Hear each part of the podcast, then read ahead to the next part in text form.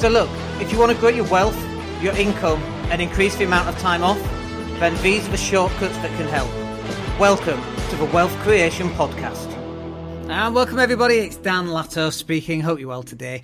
Uh, so this is the uh, weekly roundup show, and I just wanted to kind of include this as part of our podcasting uh, shows, as part of your podcasting experience, your podcasting listening experience. And um, I wanted to do this. This really talks about our business, but really this kind of reflects your business as well, or it should be reflecting your business.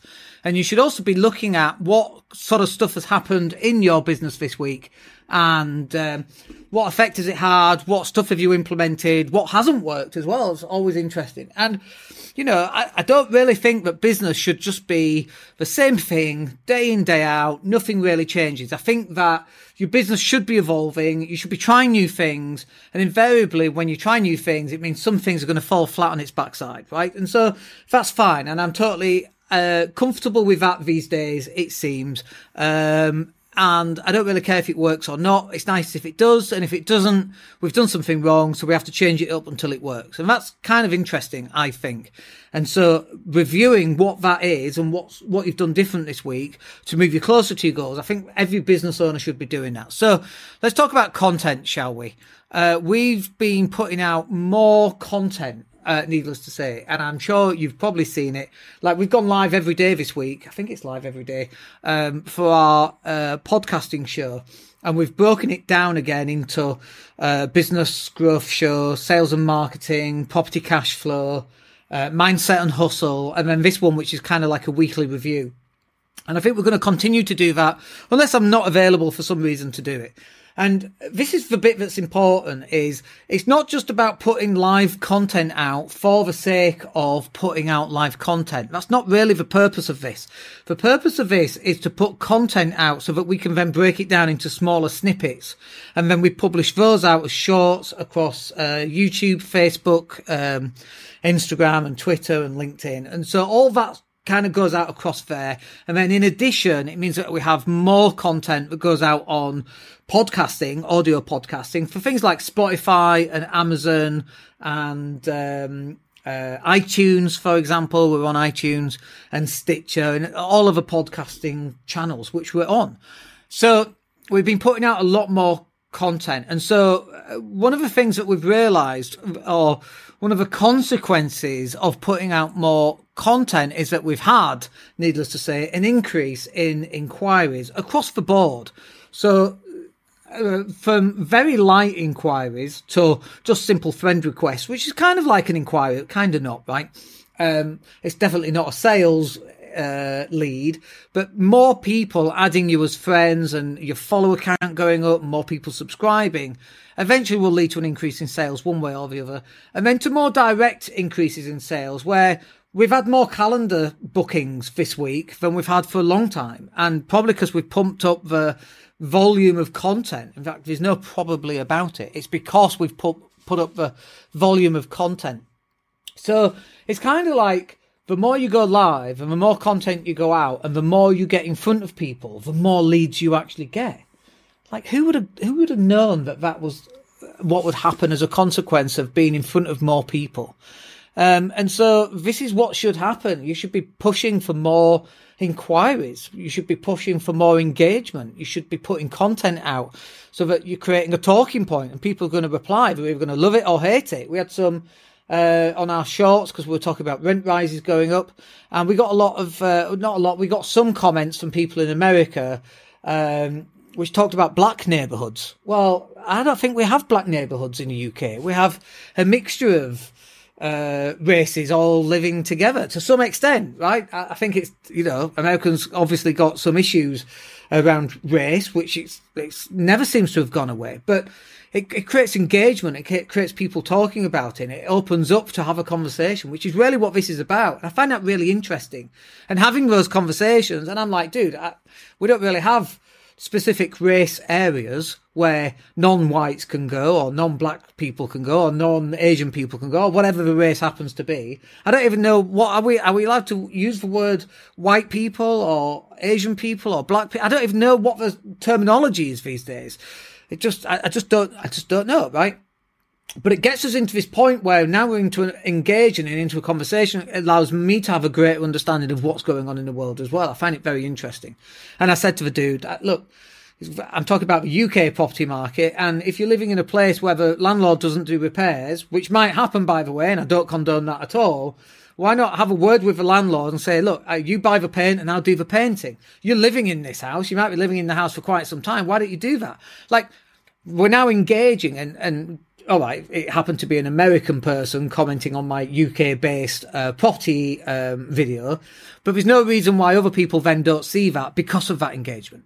And so, and then because of that, then you're going to get more inquiries. You're going to get more eyeballs on your content. And that's the whole point of it. And obviously we know that more eyeballs leads to more inquiries and more inquiries will lead to a, a, an increase in sales. Like, so I just want to break this down because there's a step in between uh, content output, that's fine. That leads to an increase in inquiries, that's fine. That then leads to an extra step, which is an increase in sales calls which then in turn leads to an increase in sales.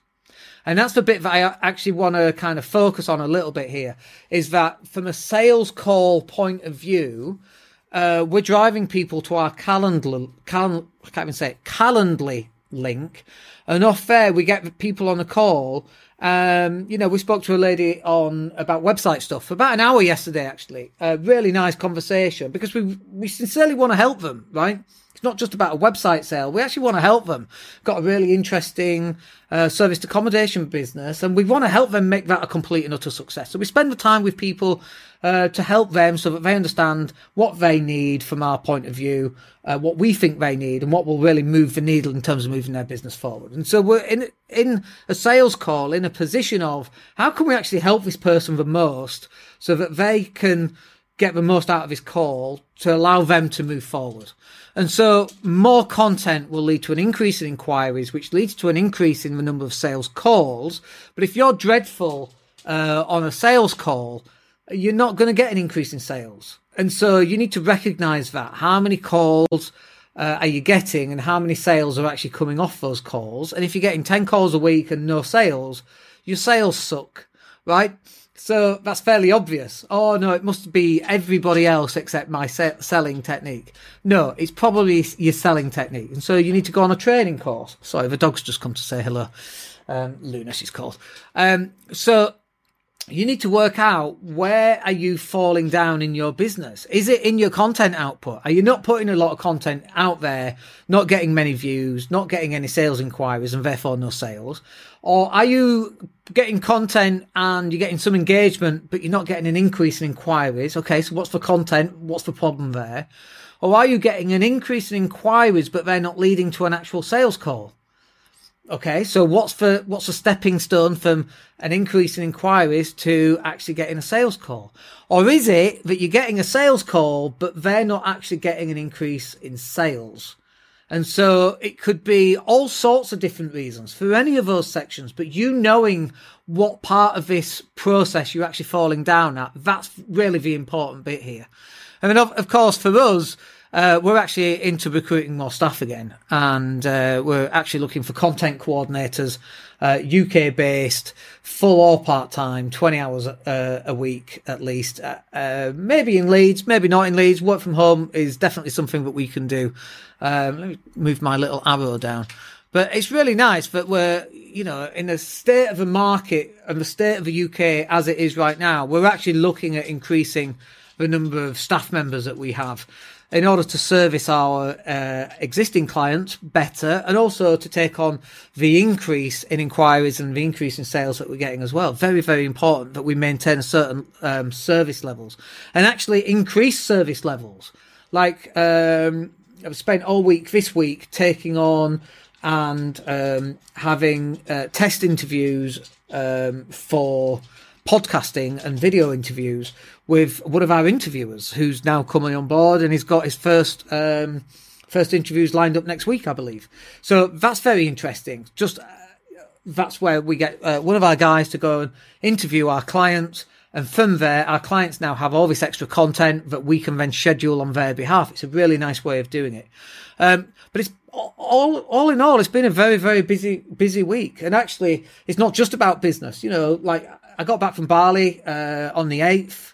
Oh gosh, on the 11th. That's almost two weeks ago. I was just exhausted from that. And just this week, I felt like I've actually felt normal again and actually crushed it at CrossFit and ended up getting some new personal bests and that kind of thing, which is really nice. It's what we live for. Um, and so just from that point of view, that's gone very well as well. Uh, but that's what your week should be about. It should be about fitting in more things and uh, looking at what have you done and how have you improved and how far along are you in your business and uh, what mistakes did you make and what could you do more of and all of that kind of thing. And I think it's really important that you uh, actually put that in place. Anyway, look, I hope that's useful. Very quick one uh, today, just a quick 12 minute podcast there. Uh, but I wanted to get that out because I think it's something that we should do more often and you guys should do more often as well. And uh, I hope that's useful. Uh, other than that, have a wicked weekend and we'll catch up with you on Monday. Have a good one. Take care.